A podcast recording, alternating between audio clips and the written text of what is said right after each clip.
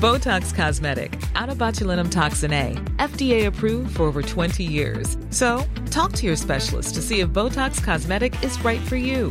For full prescribing information, including boxed warning, visit BotoxCosmetic.com or call 877-351-0300. Remember to ask for Botox Cosmetic by name.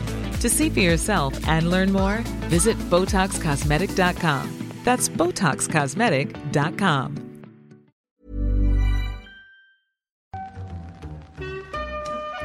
In the supermarket, you have eggs class 1, class 2, class 3. And some are more expensive than others, and some give you better omelets. That's the wrong information. Wrong, wrong, wrong information. I didn't say that. That's the wrong information. Do you think I'm an idiot? Wrong, wrong, wrong information. Now look at me when I talk to you. Sillypodden eh, tillbaka. Det är fredag den 13, otursdagen, men vi får hoppas att vi är något mer tursamma här i poddstudion. Makoto Asair heter jag, tillbaka här nu i programledarstolen efter en frånvaro därifrån. Får tacka Filip Lindfors som hoppat in här under några OS-veckor och eh, skött eh, min frånvaro föredömligt så att säga. Eh, Vi, vi börjar hoppa ner väldigt mycket från ordinarie programledare Patrik Syk, flera steg här nu, men eh, så är det. Snart kommer väl Syk tillbaks också förr eller senare när hans semester tar slut. Eh, Någon som är tillbaka däremot, det är ju Babylona Khosravi. Välkommen tillbaks till Sillypoddvärmen. Tack så mycket. Hur mår du? Jag mår bara bra tack. Fortfarande ledig ett par dagar till.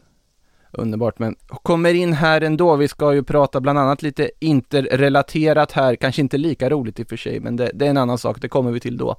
Eh, och Felix Thornberg dessutom här också tillbaka. Hur är läget med dig?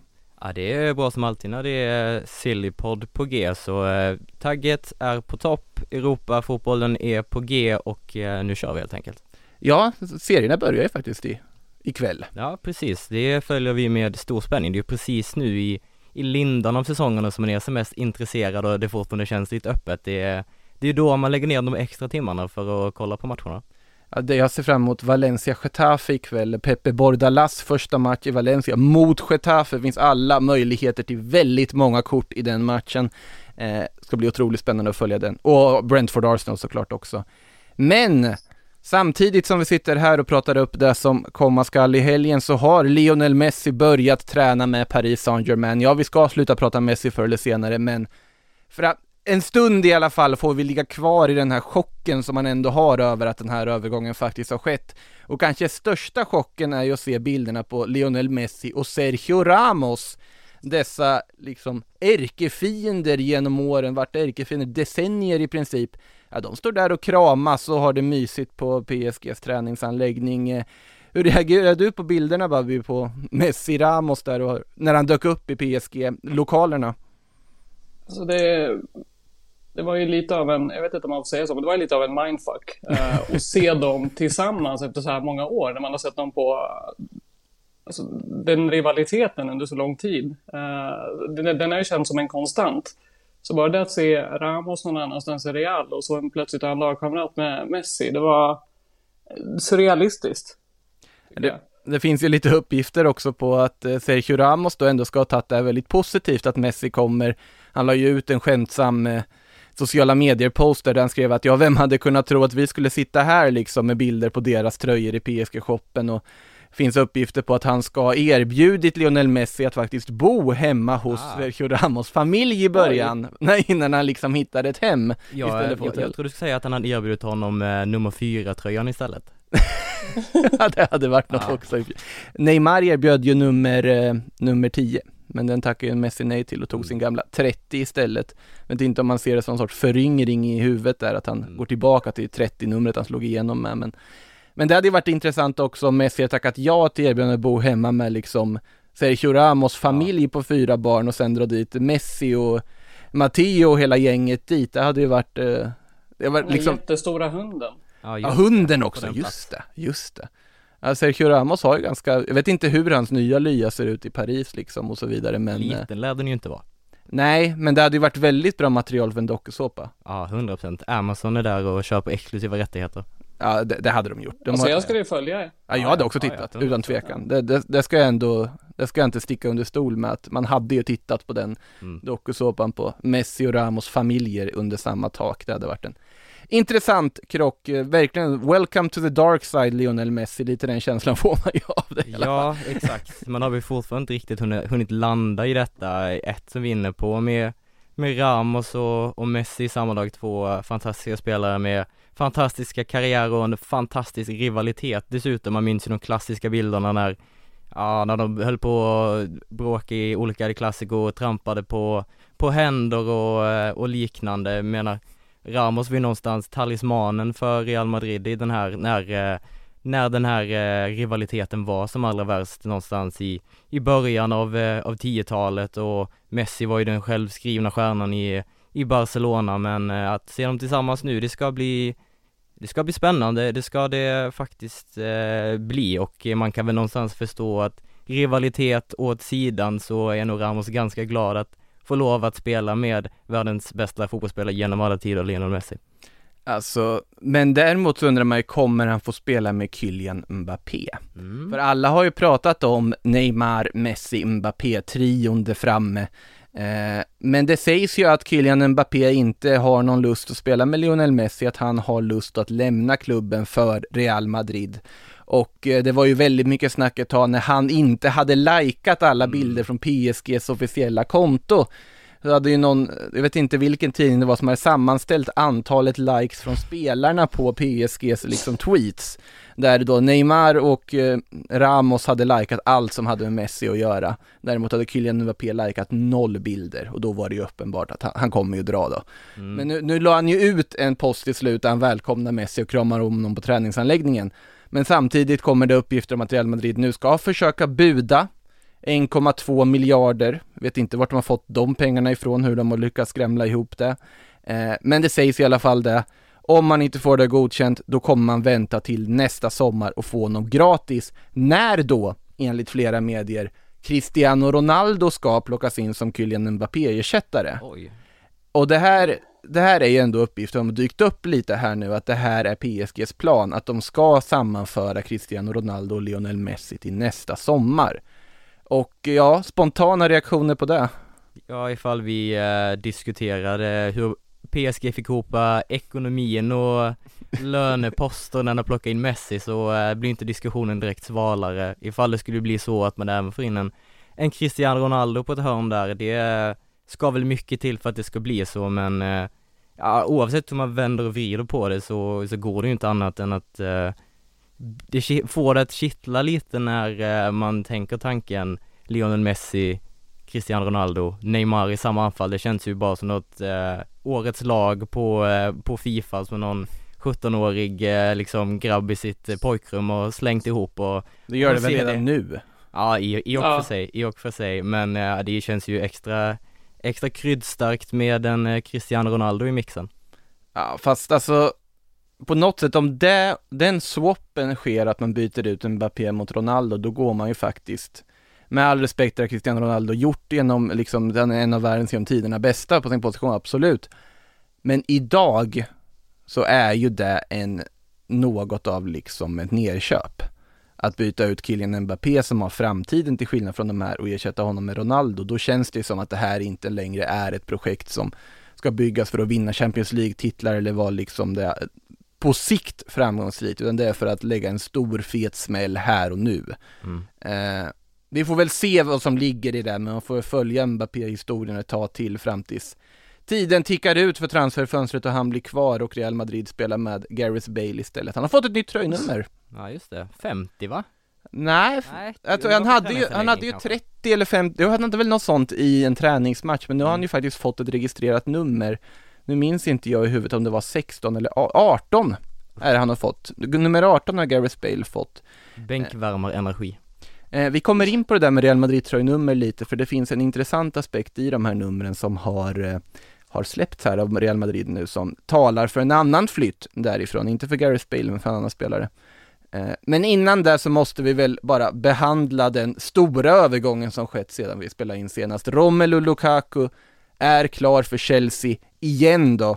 Eh, 115 miljoner pund ganska mycket pengar men för en väldigt, väldigt bra forward. Eh, hela den här historien dök ju upp lite från ingenstans egentligen med Lukaku som först ville vara kvar, sa han, men sen ändra sig. Babylona, kan du ta oss igenom hur, hur det här har gått till? Uh, ja, alltså Lukaku har ju spenderat hela sommaren med att posta på sociala medier om att han trivs så bra i Milano, det är mitt hem, kungen av Milano och så vidare har han ju utnämnt sig själv till.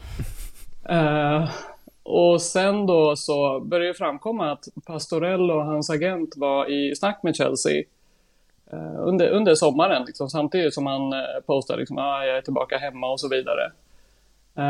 så förhandlade ju de, Pastorello och Marina, om en återkomst för Lukaku till Chelsea. Och när sen budet kom till Inter så hade ju eh, Lukaku redan kommit överens om de personliga då, eh, villkoren i kontraktet. Så då är det ju också svårt för en klubb som Inter att eh, tacka nej alltså när det kommer ett sånt bud. Också för att spelaren faktiskt vill iväg. Det hade varit en annan sak om man inte var intresserad för man har ju tackat nej till tidigare bud på just Lukaku som man såg som eh, den personen att bygga kring ytterligare. Jag menar, vi pratar om, förutom det han tillför på planen så har det varit en enorm ledargestalt också utanför. Uh, så det, det, det, är förvirrat nu och det är många fans som är nästan sårade över hela den här grejen just på grund av sättet han har uttryckt sig. Men nu är det också rätt enkelt att se att det finns ett mönster här i, eh, det här var laget jag höll på som barn. Jag menar, han har ju kört i United, Chelsea, Inter. Fast alltså Chelsea finns det väl ändå någon viss, alltså han har ju ändå spelat där, det var där han på något sätt tog sina Absolut. Liksom första fotbollssteg. Sen, sen tycker jag ändå att på något sätt Chelsea kommer någorlunda billigt undan med liksom att man hyllar den här övergången, absolut en jättefin övergång, de får verkligen en världsklass striker. Men det är ju Manchester United och Paul Pogba all over again, mm. egentligen. Alltså i grunden, att man köper en spelare för den summan, rekordsumma för att vara Chelsea. För en enorm prislapp tycker jag, så jag mm. förstår ju varför inte säljer.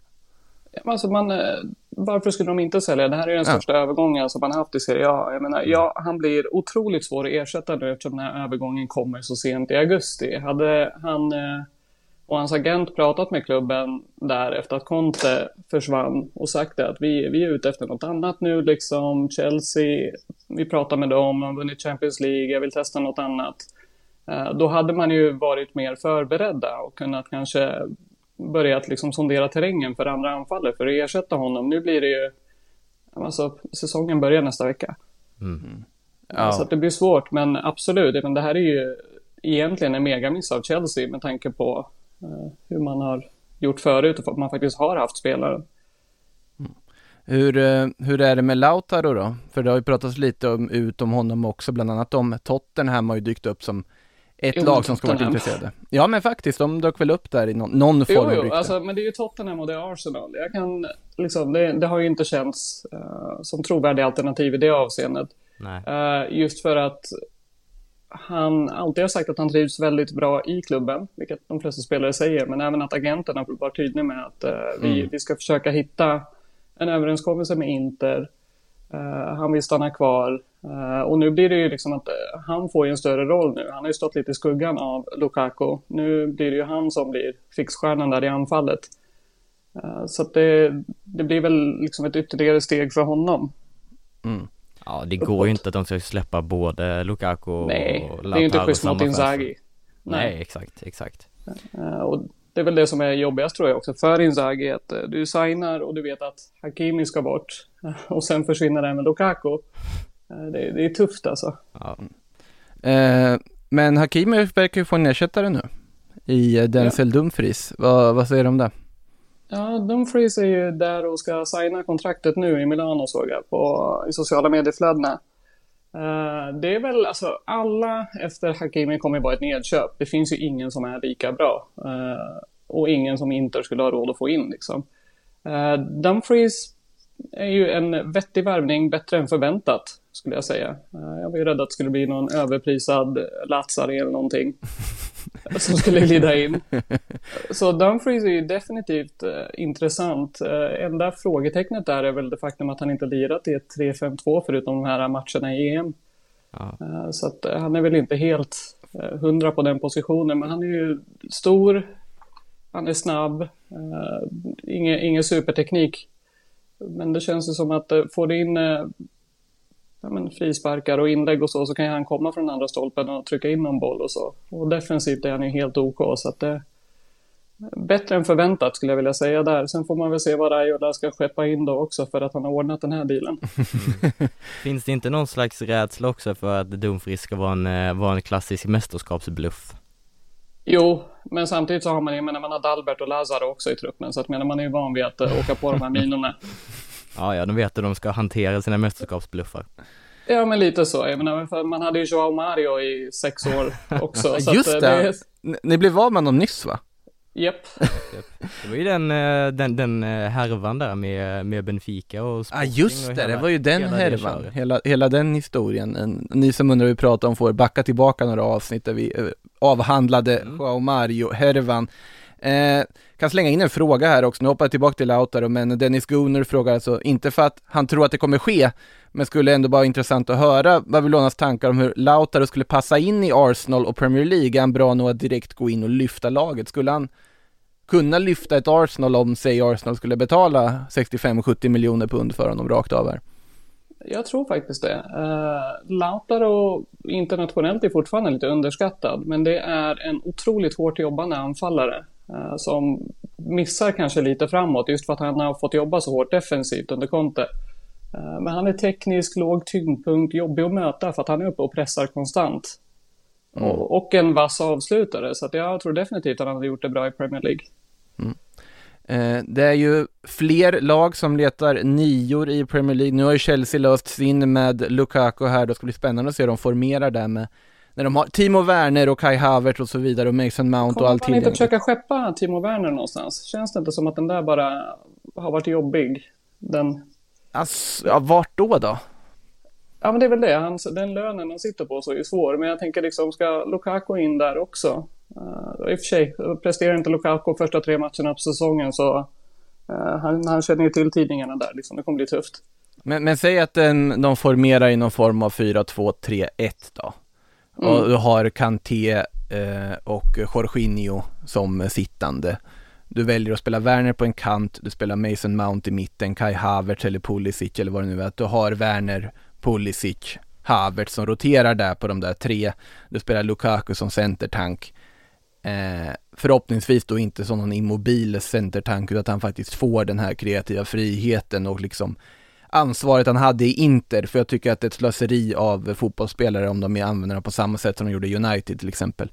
Ja, gud ja. Ja, så jag hoppas verkligen att Tuchel har en idé för det här och verkligen tänker liksom in, ja, vad heter det, plocka in honom och få honom liksom inkorporerad i anfallsspelet på ett helt annat sätt än vad vi sett honom i Premier League tidigare. Mm. Eh, Det känns ju som att eh, Tuchel tycker ju om eh, Werner Åtminstone Mm. på ett eh, personligt plan. Nej, de men, är ju eh, tyskar. Ja exakt, Nej, de, men de, eh, det känns som att de har någon slags eh, speciell relation då han, han ömmar för sin, för sin mållösa, hårt arbetande anfallare Som kommer till fruktansvärt mycket lägen. Ja, det är ja. det som han kommer till fruktansvärt mycket lägen och gör mycket nytta på så sätt. Det är bara att han måste hitta någon form av skärpa och någon form av självförtroende framför mål. Men det kanske kommer i och med Lukaku också som Ja. drar på sig en del eh, uppmärksamhet av Ja. försvararna och så. Sen är ju han ofta bra på att hitta alltså, sina anfallskollegor, så att jag tänker att det, det borde ju kunna lossna för Werner. Det finns ju ett tydligt mönster i Lukakus karriär också, det är ju varannan klubb fantastisk, varannan klubb klappkast. Nej, det var, det var hårt. Det var jättehårt, men eh, under, eh, under förväntan. Ja, alltså, ja nu har inte jag liksom exakta Anderlecht. ordningen. Chelsea, Everton, United, Inter och sen nu kommer det bli dåligt i Chelsea igen. Det är ju det mönstret Fast som han var ju bra går. första året i United. Alltså han, eh, Ja, fast totalt sett, sett i sum, tr- transfersumman och allt så var det ju inte en jättelyckad värvning. Nej, nej, det var det ju nej. inte absolut. Nej. Vilket också är skälet till att han gick och få till Inter. Men eh, Exakt. Han, han har ju lyft sig där, så frågan är hur hans psyke pallar eh, Mm. eventuella motgångar i England. För att det känns som att det kan bli sån där onda cirkeln att Fast Eh, ändå så väljer han att alltid återvända till England. Alltså jag, jag, det där tycker jag är så tråkigt, bara sluta gå till England. det, det går ju så bra i Inter, det har vunnit Ja. ligan, du har chans att bygga någonting väldigt liksom stort Ja, men han dubblar ju sin lön också. Och Ja, det är sant. Med de som har vunnit Champions League. Alltså någonstans är det så här, ja, jag kan väl förstå att det, det, det är enorma summor pengar. Det är svårt att tacka nej och sen vill du väl hävda dig igen. Det vill visa, jag är inte den där spelaren som ni trodde. Jag är inte den snubben med dålig första touch och tjock och allt vad det är. Mm. Eh, Ja men det, det, den aspekten finns ju också att visa att nej jag är inte en immobil, dyrare version av liksom eh, Olivier Giroud. Exakt. Det är ju lite det han vill visa nu. Mm. Eh, även om han köps som en ersättare till Oliver Giroud på pappret, men det, är en helt annan sak. Hur mycket han ska välja fokusera på det här liksom klassiska, nu ska jag, nu ska jag motbevisa mina kritiker. Kan det inte bara vara en fantastisk fotbollsspelare i en miljö där han tillåts vara en fantastisk fotbollsspelare och faktiskt kan vara en fantastisk fotbollsspelare? Ja, det, det kan man fråga Harry Kane också, Ja, om vi ska gå över till honom. Nej, eh, Kane fattar man ju varför han vill lämna på att han vill vinna titlar så att säga. Det är ju, det är ju inne för stora fotbollsspelare idag att man snarare vill gå någonstans för att vinna titlar än att ta klubben man är i för att vinna titlar. Det är väl Han har ju liksom, försökt. Övergående trend som vi har haft där. Men Manchester City har i alla fall inte gett upp på Harry Kane, det är det jag ville komma till. De ska då enligt bland annat Fabrizio Romano förbereda ett bud på 150 miljoner euro för denna engelska landslagsanfallare och talisman från Tottenham. Han som alltså strejkade från träningar, eller i alla fall inte var där i början och sen så verkar det ha varit ändå liksom någorlunda positiva samtal men han är väldigt tydlig med att han vill bort från det här Nuno Espirito Santo-projektet eh, en gång för alla. Vad säger vi, kan, alltså City har ju uppenbarligen pengarna för att lägga 150 miljoner euro på Harry Kane, även om de redan spenderat en miljard på Jack Grealish. Det känns det ju som och eh, FFP gäller ju bara för vissa klubbar tydligen så att Mm. det, det, det löser de ju på något sätt. Men frågan Så är, länge det inte är klubbar som är en eh, statsmarketingmaskin så ja, så liksom, ja, det är det. är det lugnt. Så att ekonomiskt kan man bara lita på att de, de löser det där säkert med sina advokater och så vidare. Men är det värt 150 miljoner euro för Harry Kane för dem idag? Ja. Du tycker det? säger jag. Man har ju väntat hela fönstret på att, eh, på att City ska plocka in den här, eh, den här nian efter Agüero lämnade eh, klubben och vi kan väl slå fast att eh, som det ser ut nu så är inte Gabriel Jesus eh, gubben man kan lita på till 100% under en hel säsong att leverera de här 25 målen som, som krävs för att man ska eh, ha det här, eh, ja men ha det riktigt slagkraftiga laget som kan både utmana om en Premier League-titel och en Champions League-titel. Eh, Harry Kane kan vara den gubben och eh, 150 miljoner pund för City ser jag som en, eh, som en piss i havet i, eh, i sammanhanget. Ja, alltså 28 år. Ja, det, ja, 28 år höll jag på att återupprepa där, lite så här att det är väldigt mycket pengar, men ja, absolut. Jag, kan, jag förstår ju varför och jag vet att en klubb som City med den ekonomin de har och de musklerna de har, de kan peka på en spelare oavsett ålder och oavsett kontraktslängd. Han ska vi ha, vi betalar det som krävs för att få honom. Mm. Och såklart det hade varit en superförstärkning för dem. Jag vet inte, vad säger du Babylona? Men jag håller nog med om att det är väl klart att de ska försöka plocka honom. Jag menar, de behöver ju den här nian. Och Kane är ju bättre än Jesus. Uh, kommer ju leverera mer framåt, alltså just som nia. Uh, så att jag, jag förstår definitivt att de gör det, men där är det också så här, det börjar bli tight med tid. Vem ska Tottenham plocka in då för att ersätta Mm. Lautaro. Kane framåt? Men det, skit, det skiter ju det, det, det värsta är att det är ju den kedjeeffekten som kommer ske. Ja. Om, om de får Kane-pengar så kommer de börja titta på anfallare och tittar de antagligen på Lautaro som är det bästa alternativet som teoretiskt sett går att köpa i och med Inters inställning till att sälja spelare. Ja, fast jag tror inte att man kommer sälja fler nu av de här större. Uh, man har ju löst de, uh, den här paniken med likviditeten i och med försäljningen av Hakimi egentligen. Så att uh, inte ens uh, Lukaku var ju tänkt att säljas. Så att det, det, är ju inte den här den jättejobbiga situationen just nu. Nästa sommar är en annan fråga. Det, det är inte Lazio-läge med andra ord. Det är inte Lazio-läge just nu, men även om, det, det, är svårt nu för flera klubbar i Italien eh, på grund av dålig likviditet. Eh, man har gått enormt mycket minus under de här åren utan publik och man har inte fått samma stöd eh, av staten som man har fått i exempelvis England. Och så.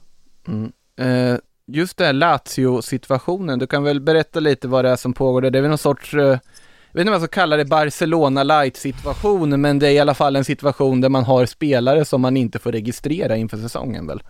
Ja, nej men Barcelona Light förklarar läget ganska bra. Uh, Sarri har ju signat för Lazio och så har man då plockat in uh, Felipe Andersson igen.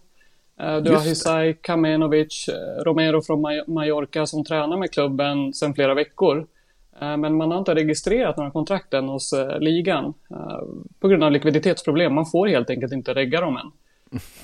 Och det skulle väl också förklara kanske alla rykten om Korea, för säljer man Korea för en Uh, då Tito vill väl ha en 40 miljoner euro för honom.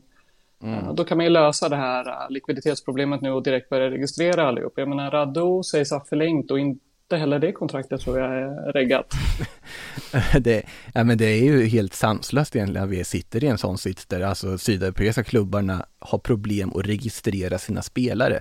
Alltså Barcelona sitter här nu att de tänker att vi kommer kunna regga Depay och Eric Garcia till premiären, men vi men väntar med att regga Kun Agüero till november som han ändå är skadad. Så att då behöver de inte liksom tänka på den kostnaden. Ja, det, det, det, är den nivån, och vi satt ändå här och lurades allihopa att ja, men Lionel Messi kommer ju vara kvar. Vi borde liksom, man borde ju ha förstått på långt innan, det borde inte varit en chock när det kom att, ja, men man, det, man kunde ju inte tro att det var så illa. Alltså man förstår att det var illa, det varit... men liksom, hur kan ni inte ha räknat på Messi liksom? Hur kan ni inte ha, jag menar, hur kan ni ligga på 115 procent? Fast det här alltså, har vi vetat om. Det här har vi vetat om innan också, men man tänkte att de på något sätt kommer kunna lösa det och det är väl... Ja, men att man dribblar runt det. Ja, att man kommer kunna dribbla runt det med lite lån och så vidare och att man tänkte att Laporta faktiskt inte bara hittade på att vi kommer kunna behålla Lionel Messi. Och det är ju här man då undrar, om man ska vara lite konspiratorisk, jag minns inte om jag sagt det här förut, men att Laporta visste mycket väl om att det här skulle ske. Det känns som att någon borde vetat om det med tanke på som du säger, det fanns, alltså, han det kan fanns inte miljontals flaggor på vägen. Han kan inte ja. ha kommit till det där kontoret och bara tittat på liksom böckerna och bara, äh, oh shit, det var så här illa. Han, han måste ju ha förstått det innan. Men det får vi sälja alla spelare och så har vi två spelare till eh, säsongen drar igång igen, så har vi då har vi Messi, så har vi eventuellt en eh, målvakt och så, det är Messi och, och, så tar vi det därifrån. Ja, exakt.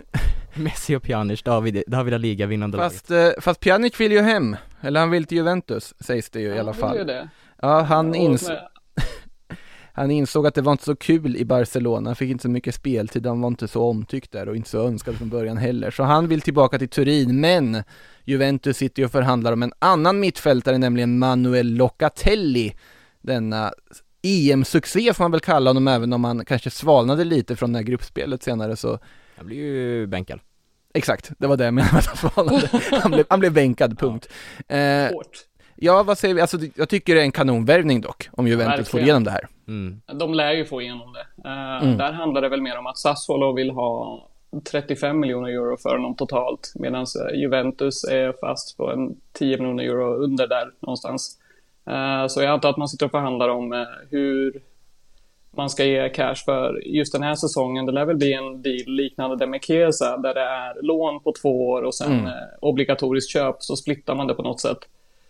Och jag antar att man löser det även här. Man har ju bra relation till Sassuolo sen innan. Och spelaren vill ju bara till Juventus om han ska dra. Mm. Har, har, har vi tänkt, stängt Skamacka-spåret för Juventus? Just nu ja, eh, eftersom de, jag tänker så här, eftersom de är mest ute efter eh, en mittfältare vad det verkar, med alla röster också kring Pjanic och så också. Eh, Skabacka är intressant där, nästan som man vill plocka in hans pappa. Han gick ju lös på Romas träningsanläggning med baseballträ. Vänta, va? Alltså, ja, för att då, han har ju varit involverad i Romas ungdomslag eller någonting uh. för och så var de skyldiga honom pengar och så dyker han upp med ett baseballträ och börjar veva mot bilar och grejer. Så det är, det är en otrolig karaktär och Scamacca sägs ju vara en Balotelli fast med mindre talang. Så att det här är... man vill ju se honom i en större klubb. vad man, man, vill, man, vad man inte vill ha en Balotelli med mindre talang i sin klubb. Nej, det vill man ju inte. Men det är, det är otrolig karaktär tänker jag med pappa och allt vad det är kring. Så att det, det kan ju bli väldigt spännande. Ja, då måste jag fråga, men varför satt de hela vintern och skulle ha honom för? Vad var väl Juventus på med då? Nu, nu är ju Paratici borta. Ja. ja. Ung italienare. Man brukar ju kunna formera sådana här äh, spelare i Juventus ändå. Man brukar vara ganska bra på att tysta ner allt som händer kring och liksom få dem att rätta sig i ledet någonstans. Nej, fjärde Turo Vidal funkade ju också där. Ja, men han funkade ju också där. Men Ja. han smällde ju visst ett par bilar då och då på fyllan, men liksom han, han var ju väldigt bra där. Ja, det- så, länge, så länge han levererar på plan, det var lite den Ja. Slutar ändå på, på, på, på någon slags pluskonto där. Ja, men alltså, han var ju väldigt bra på planen, så att det är så här, ja, jo visst, det var härligt utanför, men Ja. så länge han levererade var det ju lugnt. Med sammanfattning, Skamacka inte bara är en stökare, han är dessutom inte speciellt bra. Så han är ju, han är väl helt OK. Det är inte, det är inte den här som man bara blir helt till sig över. Det är ingen Vlahovic så man tycker liksom att man blir, eh, man, man mår liksom jättebra när man sitter och tittar och bara tänker fan vilken spelare, han kan bli hur bra som helst. Skamacka kan väl bli en okej Serie A-anfallare säger jag nu och så kommer han bara ösa in mål kommande säsong. Vlahovic är han som Atletico vill ha va? Ja, Atletico och väldigt många andra. Uh, ung Fiorentina-anfallare har varit väldigt, väldigt bra i Viola. Eh, Mm. Så att det, där sägs ju Atletico vara redo att buda 60 miljoner euro och även slänga in någon spelare eh, i dealen. Men eh, där sägs ju Comiso, den fantastiska amerikansk-italienska presidenten där, att eh, han vill förlänga med Vlahovic och hoppas väl på en, eh, att han tar ytterligare ett steg i år då, så man kan sälja ännu dyrare. Det känns ju nästan rimligt att göra, att det går på det liksom, att om du verkligen får en genombrottssäsong till här och liksom höjer dig ännu ett snäpp. Så att man får lite den här, eh, vad ska man säga, Sergej-statusen som han hade när han skulle kunna gå för som mest. Sen har ju Sergej droppat. blev det ingenting med det ju. Nej, sen har han ju droppat Nej. i värde efter det, även om han har varit ganska bra fortfarande. Så. Ja. Ja, fast nu med Sarri kanske han får en nytändning. eh, Där på mitt Är han reggad? Han var i klubben innan så det är lugnt. Ja, vad vad skönt. Skönt för dem.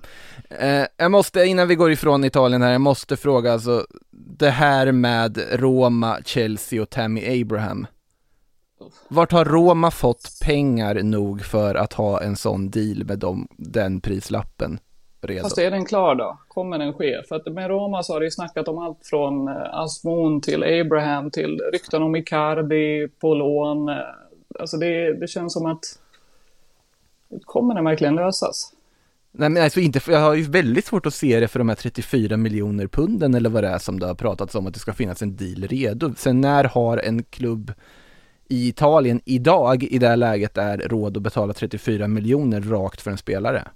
Fast det kommer väl inte betalas rakt? Slänger du ut det på, säg fem års kontraktslängd? Oh, ja, i och för sig, ja, i och liksom. för sig så, så, så är det väl också i och för sig, men jag menar utan att ha det som någon sorts lån-köpoptionsaffär. Ja, nej men det vore väl en styrkedemonstration i och för sig om Roma faktiskt plockar in en sån spelare. Mm. Eh, men vill Tammy Abraham till Italien? Frågan. Det borde han tycker jag. Det, det vet jag, jag satt här för ett år sedan när han skulle ryktas bort. Jag pratade om Villa och allt möjligt. Nu är i och för sig Villa en ganska kul klubb att gå till med tanke på att de satsar, men då vet jag, jag sa att, Abraham har ju dessutom historia i Villa. det är så. Han var ju där på, eh, på lån i Championship och smällde dit lite kassar. Han varit på lån där också. Eh, Många ställen har varit på lån. Eh, de dessa Championship-lån, man, man har aldrig koll på dem. Eh, men, eh, och så en annan klubb som vill ha Tammy Abraham enligt upp rykten är väl Arsenal som det har pr- pratats lite smått om i alla fall, men det kanske inte så här jättekonkret. Desto mer konkret angående deras nya nummer 10 eller nygamla nummer 10, för nu verkar det ju kunna bli Martin Ödegård tillbaka. Mm. Ja, och det har ju att göra med att då kommer vi till de här tröjnumren med Real Madrid igen här nu, för att han är inte registrerad i La Liga-truppen i år för Real Madrid. Han har inte fått ett tröjnummer, den gode Martin Ödegård, och det har ju dragit igång då flyttrykten om att han faktiskt ska dra nu, att de ska casha in på honom, för annars hade ju han fått ett nummer precis som Luka Jovic faktiskt fick ett nummer här också, eh, Gareth Bale och så vidare, som tydligen ska ingå i Carlo Ancelottis planer. Jag behöver inte prata mer än så om det. Men det är alltså Eh. en eh, försäljning på tapeten då, inte någon slags eh, Dani Ceballos 2.0 med Ceballos är inte heller reggad. Ah, fick vi, fick, fick vi det sagt också. Men, Ska eh, sägas.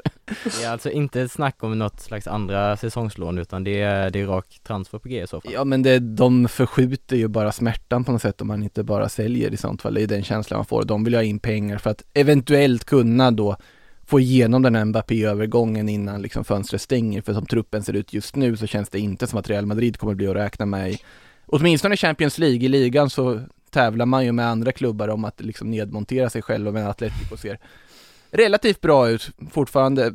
Rodrigo de Paul, fantastisk värvning som de har gjort där. Verkligen. Eh, typ de enda som har gjort någonting vettigt i det här fönstret. Eh, men ja, Ödegård är i alla fall fortfarande av intresse. Där har pratats om James Madison också, men det verkar som att det är Martin Ödegård som är prioritet för Arsenal. Jag tycker det här är en jätteklok övergång av Arsenal om de får igenom den. Men jag vet att det finns väl andra som tycker att de hellre borde ha gått på Madison. Vad, vad säger ni? Ja, svårt att säga för jag tycker någonstans att, eh, att Ödegårds eh, lånesession i Ars Arsenal var, var ganska intetsägande. Det var, det var inte, inte shit och det var inte good. Men Mm. det var, det var någonstans där mitt emellan så eh, jättesvårt Typ lite som säga. Arsenal. Ja, exakt, exakt. Alltså, men alltså det Ja, kändes faktiskt. faktiskt såhär, meh, alltså helt OK, men Ja, nej, det ingen känns, spets. det känns jättesvårt och nu har redan som sagt varit där en vända utan att leverera den här liksom sedvanliga wow-effekten man ser på ett lån innan en klubb bestämmer sig för att eh, ja men vi, den här spelaren måste vi ha i vårt lag, honom är vi beredda att betala dessa pengar för.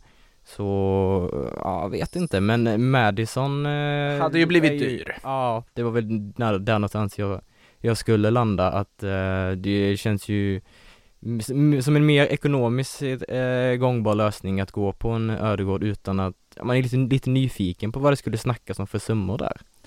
Ja, ska jag gissa? Ja, snälla gör det. 40 miljoner euro? Ja, ja kanske. Tror du han är värd så mycket? Ja, i och för sig. Jag tycker ja. han är värd så mycket. Är inte åldern och så också som spelar in där? Åldern och att man vet vilken enorm potential det finns där på bara att titta på det han gjorde i Real Sociedad, det räcker liksom. Ja. Mm. Eh, Jag tycker Real Madrid gör ju ett ganska dumt val om det är de som beslutar att sälja, men det känns väl som att det är Ödegård själv som snarare vill. Ser större möjligheter för sig själv att utvecklas och faktiskt bli någonting i Arsenal än i Real Madrid där Kroos, Casemiro, Modric båda är en liksom förbannelse och välsignelse i ett, den här heliga treenigheten på mittfältet som inte går att peta, men som också är fruktansvärt bra fortfarande. Men, eh, men det innebär ju också att det finns spelare där bakom som aldrig kommer få möjlighet eller få chansen. Mm. Och dessutom med unga spelare som Antonio Blanco och så vidare som klivit upp från ungdomsleden och imponerat så finns det inte riktigt plats för Ödegård kanske där. Och nu har Isco ju fortfarande kvar dessutom, bara en sån sak. Ja, just det. Ehm, ska väl få en ny chans under Ancelotti vad det verkar. Det är många som, må, många som ska få nya chanser under Carlo Ancelotti. Det blir jättespännande att följa detta. Eh, vidare då, Arsenal ska ha en ny andra keeper också. Vi får se om det blir något med Aaron Ramsdale där eller inte. Eh, Marcel Sabitzer. Hans namn har vi kanske inte nämnt på ett tag. Det pratas ju mycket Tottenham och lite Arsenal där också ett tag. Nu verkar det ju bli Bayern München för honom, österrikiska landslagsmannen, eh, allt närmare då en Bayern-flytt från Leipzig. Kanonvärvning säger jag, av Nagelsmann och bara plocka med honom. Eh, det finns väl inte mycket annat att säga om det eller? Nej, Nej. det är väl bara sedvanligt eh, Bayern mobbar-beteende och bara rensa de andra klubbarna på, eh, på stjärnorna och eh, sen säga lycka till, nu tänker vi vinna ligatiteln. Det, det är den enda klubb jag, om vi ska hoppa tillbaka till det här Timo Werner-frågan, det är den enda klubb jag kan se skulle plocka in Timo Werner det här fönstret. Är ju Bayern München. Skulle man inte kunna se Werner som en eh, Haaland-ersättare i Dortmund också kanske? Var, Daniel Malen är ju redan där. Ja, han var väl en Sancho-ersättare. I och för sig är han ju mer av en, eh, Striker. mer av en striker-typ än vad Sancho var, men eh, På något sätt har man väl också eh, egna leden där också i mm. Mokoko till exempel som väl ska få mer speltid och så vidare i Dortmund och du har ju mycket ungt och spännande så att jag tycker Sancho-försäljningen skadar dem inte på så sätt tycker jag det finns spelare där som kan kliva fram och axla Mm. den rollen. Absolut. Eh. Jag, bara, jag bara slänger ut den där, jag ville plantera det, det lilla fröet att eh, Werner i Dortmund, oh. ja, Någon slags eh, halvbytesaffär där med Haaland till, nej nu kommer han ju Ja, såklart- ska, Haaland kommer in, vi kan ju stänga Chelsea-dörren för Haaland Det nu får vi väl göra, det, det, han gör inte själv Det finns in väl bara en dörr kvar nu va? klart. Eh, Fast ja. Haaland går väl ingenstans i år? Alltså, Nej, är ju- nej. Raiola kommer inte tjäna tillräckligt på det i år. Går han för den skiten, alltså. Det, Mm. det funkar ju inte. Det är ju bättre att sälja honom nästa år för klausulen och sen så kan han få eh, mer Mm. i fickan. Alltså, rent ekonomiskt är det ju en fördelaktigare deal för honom och för spelaren om han faktiskt går för klausulen och inte i någon budkrig nu. Ja men precis, så att det blir liksom att eh, den som kan betala agenten mest får honom snarare än den som kan betala klubben mest. Mm. Exakt. Eh, för att det var det jag tänkte också med City, att det är inte bättre att bara slänga de 1,5 miljarderna liksom rakt på eh, Dortmund och Haaland istället. Absolut. Men det, det skulle kanske inte gås med på ändå. Nej det behövs ju en, en, en, en ersättare nu men eh, det är ju klart som du säger att det hade varit eh, en perfekt lösning att slänga dem på Håland istället. Jag ser Mm. absolut som den, den övergången som, som logisk men om det blir, de får väl någonstans välja då liksom direkt framgång med Harry Kane nu eller att och vila lite på det och gå all in på Håland nästa säsong. Nej, men alltså om de skulle plocka, det är intressant i och för sig, om de skulle plocka Kane nu Mm. och Chelsea har plockat Lukaku, vad ska Haaland göra? Real. Ja, typ. Ja men de tar ju Mbappé. Antingen Just gratis eller, vad ska Erling Braut Haaland göra? Är Det det, är väl eh, United kanske. ja i och för sig Cavanis kontrakt har gått ut där ja, och sen, Ja. ja. Ja det är, en, eh, det är många, många olika brickor och massa Ska man räkna bort Liverpool? Känslan är väl att man kanske borde göra det men jag eh, gör mig säkert impopulär i Liverpool-kretsar nu men jag har eh, sagt nu under ett tag att jag tycker att det har varit intressant att se Liverpool spela med en renodlad striker tillsammans med eh, Mané och Salah istället för eh, Firmino i den här lite mer tillbakadragna rollen. Det har varit väldigt intressant att se vad det blir för utväxling. Mm, alltså Firmino känns ju också som, jag tycker han är fruktansvärt bra men det är också så att han har ju inte Absolut. kommit det, upp i den Det är nivån. absolut inte det jag säger innan de blir allt för arg, men jag säger att det har varit intressant att se en riktig, en riktig Absolut, absolut, det tror jag inte kommer att förarga någon i Liverpool-krets Det faktiskt. skönt, det skönt. Vi kan, vi kan ju, vad heter det, om det nu mot förmodan skulle vara det, kan vi bara slänga in att Virgil van Dijk förlänger med Liverpool till 2025 och med det så är alla Liverpool-fans glada igen. Eh, för det finns ju ingenting att ifrågasätta med den förlängningen, även om han har varit skadad ett helt år så är det ju en fruktansvärt bra mittback. I form, världens bästa mittback. Ja, alltså det, där finns ju diskussionerna, men vi ska inte ta dem för nu kommer jag förarga Liverpool-fans istället. eh, vi får se vad Sergio Ramos gör i PSG, säger jag. Eh, på tal om andra backar, kanske inte riktigt på den världsklassnivån, men Ludde Augustinsson, han eh, ska ju lämna Werder Bremen. Bremen har bekräftat att han inte är med och tränar med laget här för att han ska göra en flytt till en utländsk klubb. Tack och lov. Ja, och det är ju inte vilken klubb som helst vad det verkar. Får uh, credda våra kollegor på Expressen där som väl var först med den här nyheten. Eh, Sevilla Ja. är intresserade och jag tycker det här är så kul. ja, det kittlar 100%. Sen, sen är det ju bedrövligt för landslaget med tanke på att han kommer ett andra val Mm. Ja. bakom Acuna. Men han kan ju ändå få sin speltid där. Eh, Escudero ska ju liksom skyfflas ut nu och har kommit i åren lite, är väl där också han ska ersätta då. Mm. Eh, är vad häftigt ändå. För det är ju, alltså det är ju en fantastisk klubb, en fantastisk stad. Eh, om man får den övergången så är det ju kanon för Ludde Augustinsson säger jag.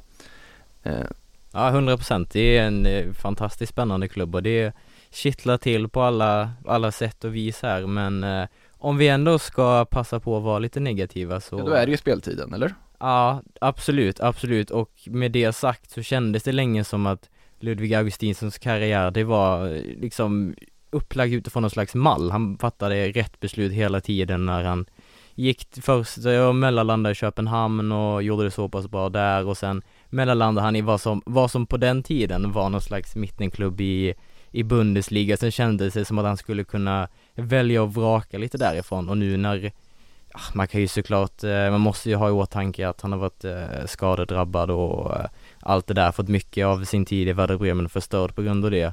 Men nu känns det ju nästan lite som en, som en panikflytt i och med att det blir degradering och att han därmed helt enkelt får nöja sig med att vara inledningsvis ett andra val i Sevilla. Mm. Eh, nej, blir det intressant om det nu blir Sevilla verkligen att se Ludde Augustinsson i La Liga och det, det vet ni ju alla ni som har koll på mig att det gör mig glad med nya svenskar till La Liga. Eh, lyssnarfrågor på det tycker jag. Eh, Glenn Hägg säger skit i att prata PSG, snacka om Lill istället, sönderköpta frågetecken. Ja, alltså de blev ju... Väldigt ledsamt. alltså, Ja men är de sönderköpta då? Än?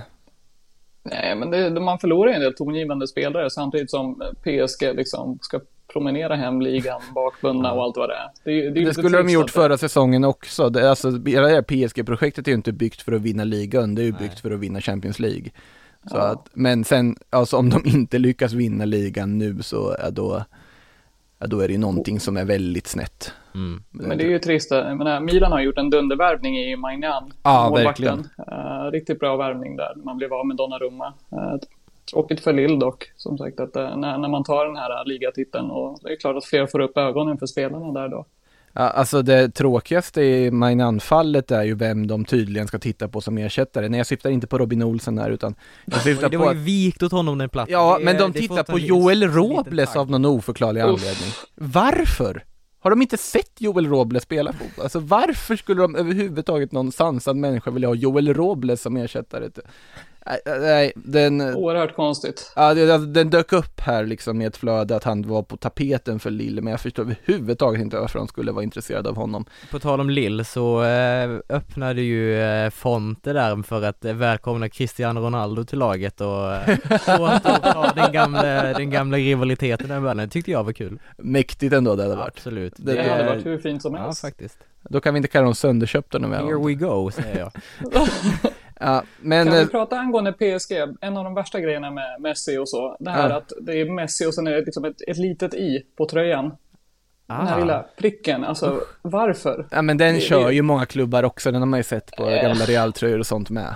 Så den stör mig Får- inte Jag får, jag får inte i ögonen av att det är 30 och sen Messi på det Att sättet. 30 stör mig, 30 stör mig också. Men lilla iet har jag inga problem med måste jag ärligt talat säga. Jag är Jag, helt jag, har, i, jag har många problem där. ja, jag är helt i Babylonas ringhörna på denna. Nej, jag tycker, jag tycker små, alltså jag tycker värsta är när du börjar namnen på tröjan med en liten bokstav. Mm. Där stör mig som bara Ja, men, men i namnet, där tycker jag att det är fine. Eh, Det är bara extra tryck också, det är väldigt mycket, de har ju sparat in pengar på att inte ha pricken. Det är ju, ja, ja, det, är, det, är fel, det är fel på alla, på alla håll och kanter. de, de där gänget i Qatar alltså, de de tröjor och bara slösar tryck här. Unna dig en prick över i-et. Ja, precis. Här, här, här har vi råd med en prick över i-et. Eh, Ett långfinger till FFP. verkligen. eh, jag tänkte faktiskt fråga, hur, lång, hur många månader ger ni Lionel Messi innan han har hunnit blondera sig igen? Oj. Nej, det är nog... En och en halv. Ja, En och en halv? Absolut. Jag säger tre. Jag säger tre. Ändå att han, han håller sig ett tag. Ja, ja, kanske. Det är nästan som man får starta någon slags, går det att spela på detta? Jag vet Jag inte. tycker vi, vi kan köra en intern bettingpool Ja, det får på vi det. göra. Uh, måste ju tajmas också med någon av Neymars fester. Mm, just det. Så om de När tre fyller må- hans syster år? ja, men det är väl på våren. Ja, han Ja, själv fyller det väl också kvar. Tror i... ni Messi också kommer vara skadad då? Ja, det är inte alls omöjligt. Möjligt. Ja. Ja, det ska bli kul att se hur de påverkas av den här, för det är ju liksom, det är ju väldigt icke-Lionel Messi hela liksom. Absolut. Alltså PSG-livet på något sätt. Det finns en del som kan festa i PSGs lag just nu, det kan vi nog slå fast. Men jag är ju Ett ledsen på, vad, jag är ledsen på vad de gjort med Keylor Navas till exempel. Han förstördes ju på ett halvår där. Du tänker ju Ja, endast på det blonderade håret. Ja men ja precis, han, var- han var liksom en eh, liten timid, eh, snäll, snäll karl när han spelade i Real Madrid där och då var det ändå Real. Madrid han var i. Eh, och nu ska sen var han i halvår i PSG och sen såg man honom, jag vet inte, twerka på Neymars fester och grejer och så kände man nej, det, det, nej, vad, vad gör ni, vad har ni gjort med Keylor? Eh, det var känslan Måste jag inte fick. de sälja någon spelare? Alltså börjar det inte bli Kylian? Mbappé. Ja. Ja, Kylian. Jag tänker, borde inte någon klubb snappa upp Mauro Icardi på någon lån? Ja, just det, han är kvar. Måste Ja, men han ju inte få någon speltid. Du har ju Moise Keane också som, jag menar... Ja, han är väl tillbaka i eller han är Everton nu. Everton, det var inget. Ja. Är han tillbaks? Han är Ja, han är Everton. tillbaka, jag har sett honom på försäsongen. Ja, då så. Ja. Det, det är mycket Så så här det- spelare som går tillbaka man inte tänker på att de har gått tillbaka. Ja. Typ Minamino. Har ni tänkt på att han Ja. är i Liverpool igen? Ja, faktiskt. Ja, det har det. Gick, gick att följa på eh, Sportbladet eh, Play. Ah, till och med Mm, där. Just det, vi sände den ja. Yes. Eller Sportbladet Plus var det faktiskt. Ja just det, om vi ändå ska komma in på liksom intern reklam här. Ni har väl inte missat att Premier League-bibeln och Liga-bibeln, jag ska be om ursäkt för att den gick alltså i tryck då innan Lionel Messi-nyheten kom.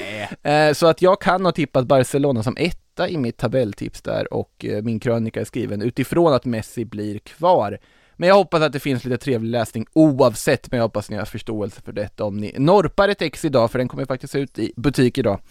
Eh, Liga-bibeln från Sportbladet och dessutom PL-bibeln som sagt. Ut. Kan vi varmt rekommendera. Mm. PL-bibeln har jag hunnit sätta tänderna i, den andra har jag förklarliga skäl inte hunnit ge mig in på än, men det blir Nej, säkert bra då. Vi får dem ju faktiskt senare till redaktionen än vi får dem till, eh, än de kommer till butik, sjukt nog. Oj. Ja. Ja, på grund av posten. Eh, inget ont om posten i övrigt ska sägas. Eh, Frågor ska vi tillbaka till, och den här tyckte jag var kul som Swedish Magpie har noterat att Santiago Munoz är på väg till Newcastle, tankar kring det. Och nej, det är inget skämt, profetian ska snart uppfyllas. Och för er som undrar vad som är roligt med det här så är det ju den här gamla Goal-filmen som kom. Eh, med då den unge mexikanen Santiago Munoz som flyttade till Newcastle och gjorde karriär. Munjes i filmen. Munjes hette han väl? Ja, i filmen tror jag han hette det. Nej, det gjorde han ju. Ja.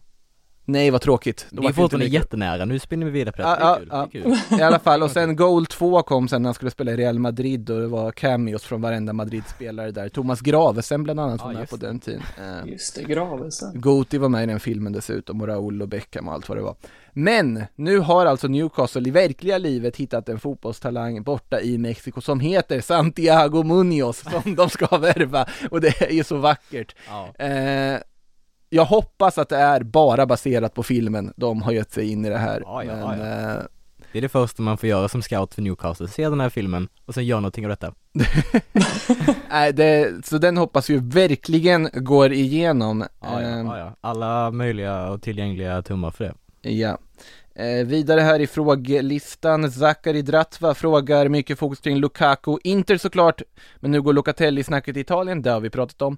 Men hur går det för våra danska vänner Joakim Mähle och eh, Mikkel Damsgaard? Några nyheter på den fronten? Har du, har du hört något om det Babylona? Nej, det har varit osedvanligt tyst där, för jag var ju, jag tror som de flesta, redo att se väldigt många rykten där efter EM. Eh, Men det, det har inte varit någon snack, så frågan är om man lyckas behålla dem. Mm. Eh, Det känns som att det borde ha blivit mer, men det var väl Damsgaard satt ju liksom, Sampdoria satt väl och bara liksom njöt när han gjorde det han gjorde under EM. Ja, men verkligen. Det har väl flutit förbi något rykte om eh, PL-flytt för Damsgaard vill jag minnas, runt eh, 30 miljoner euro. Brentford kanske? Ja, ja det hade jag varit.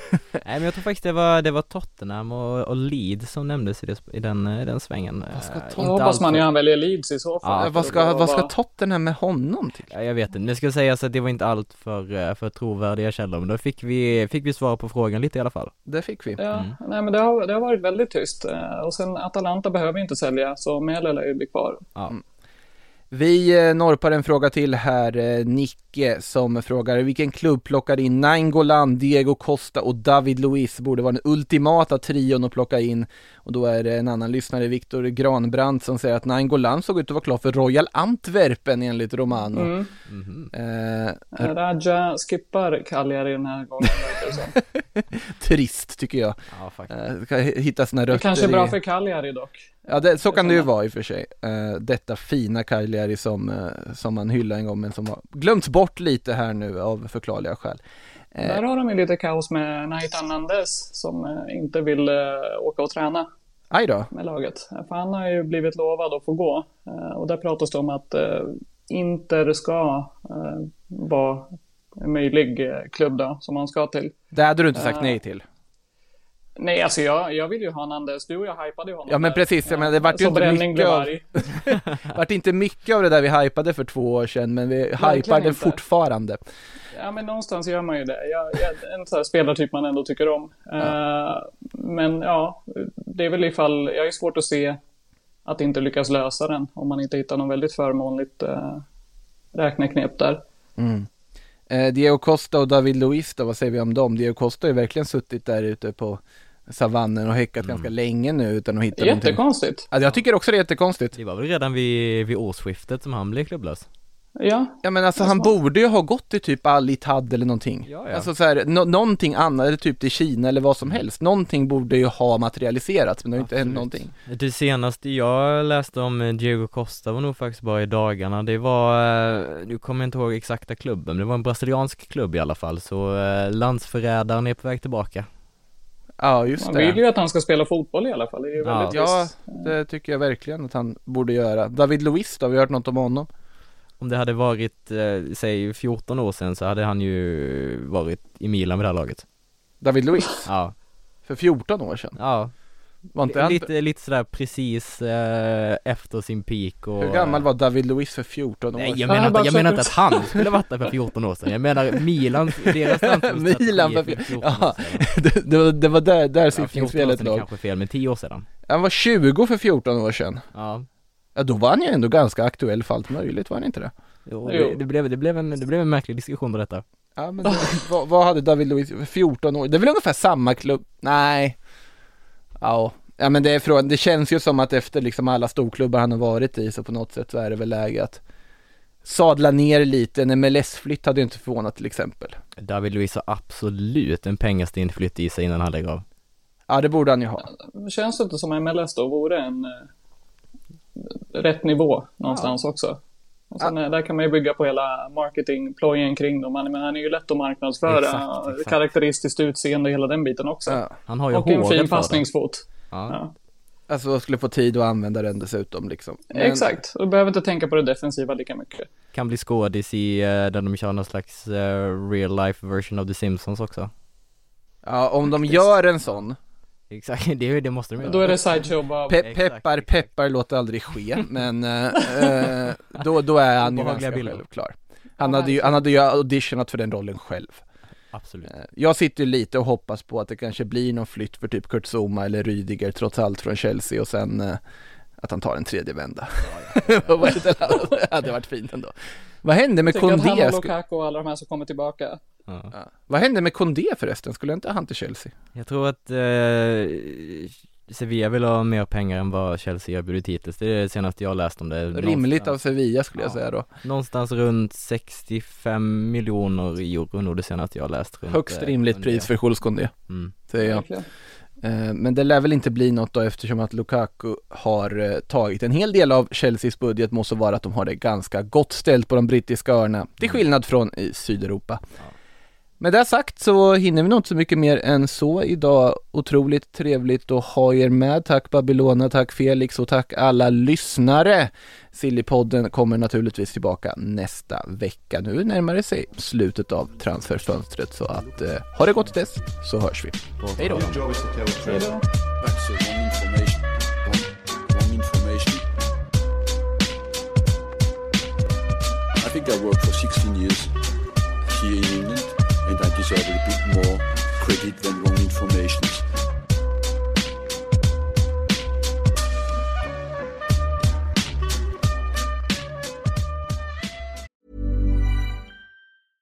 Selling a little or a lot? Shopify helps you do your thing however you cha-ching. Shopify is the global commerce platform that helps you sell at every stage of your business. From the launch your online shop stage to the first real life store stage, all the way to the did we just hit a million orders stage. Shopify is there to help you grow. Shopify helps you turn browsers into buyers with the internet's best converting checkout. 36% better on average compared to other leading commerce platforms because businesses that grow grow with Shopify. Get a $1 per month trial period at shopify.com/work. shopify.com/work.